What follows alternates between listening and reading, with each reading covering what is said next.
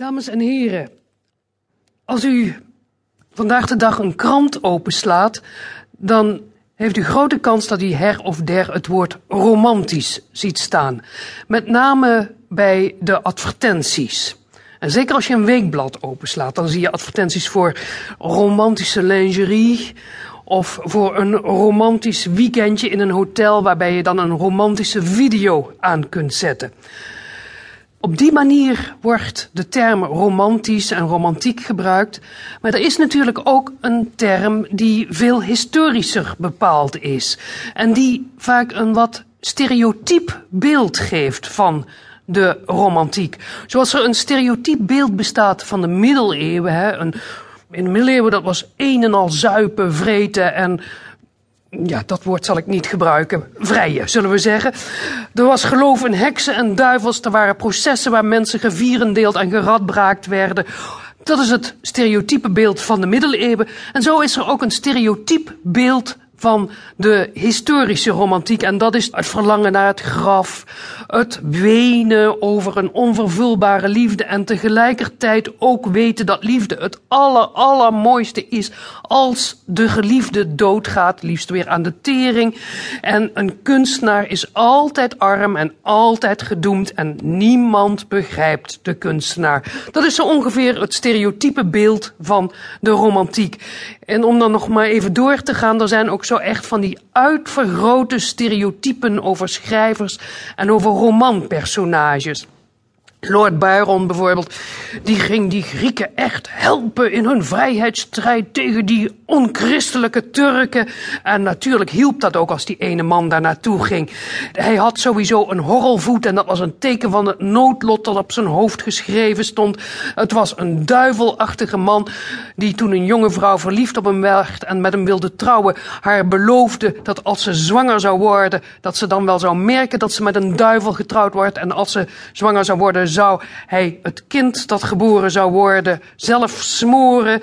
Hij vervloekte haar en hij nodigde zijn zuster uit om bij hun te komen wonen, zodat zij kon zien dat hij eigenlijk meer om zijn zuster gaf, dat hij een incestueuze relatie had met haar, dan om haar gaf. Toen Byron stierf in Griekenland, toen werd er een lijkschouwing toegepast en het bleek dat hij het lijf van een zeer oude man had, terwijl hij pas 36 jaar was. Een dergelijk stereotyp beeld zie je ook bij Goethe in Das Leiden des Jungen Werthers, het boek waarin ook inderdaad naar zo'n onvervulbare liefde gestreefd wordt. En dat boek dat zou volgens de Mare over heel Europa een golf van zelfmoord veroorzaakt worden. Stereotype ook de zelfmoord van Heinrich von Kleist, de dichter, samen met zijn geliefde. Aan de oevers van de Wanzee namen ze gif in of met pistolen doden ze elkaar. Ik weet het eigenlijk niet eens precies wat er gebeurde, maar dood waren ze allebei. Dan is er de dichter Percy Bysshe Shelley, die toch de zee opging, ondanks een waarschuwing voor storm en verdronk in de Middellandse Zee nabij La Spezia. En toen hij na een aantal dagen aanspoelde, toen moest volgens de Italiaanse wet hij meteen begraven worden. En zijn vrienden hebben toen hem verbrand op het strand van La Spezia. Byron was daar ook bij. We het verhaal van de waanzinnige dichter Hulderlien, die zichzelf in een toren in Tübingen opsloot en daar 36 jaar in bleef wonen. Het een na het andere onbegrijpelijke, fragmentarische, maar beeldschone gedicht schrijvend. En dan heb je natuurlijk nog die Heathcliff uit de roman De Woeste Hoogte van Emily Brunte. De man die alles in zijn omgeving te gronden richt, inclusief de vrouw van wie hij eigenlijk houdt. Het beeld van de romantiek dus. Waanzin, zelfmoord, kwellingen, tranen, dood. Dit beeld is voor een deel correct. Er zijn enkele uitzonderlijke kunstenaars die op de rand van het leven leefden. Er zijn ook een paar daarvan in Nederlands. Zelfmoordenaars, waanzinnige, destructievelingen.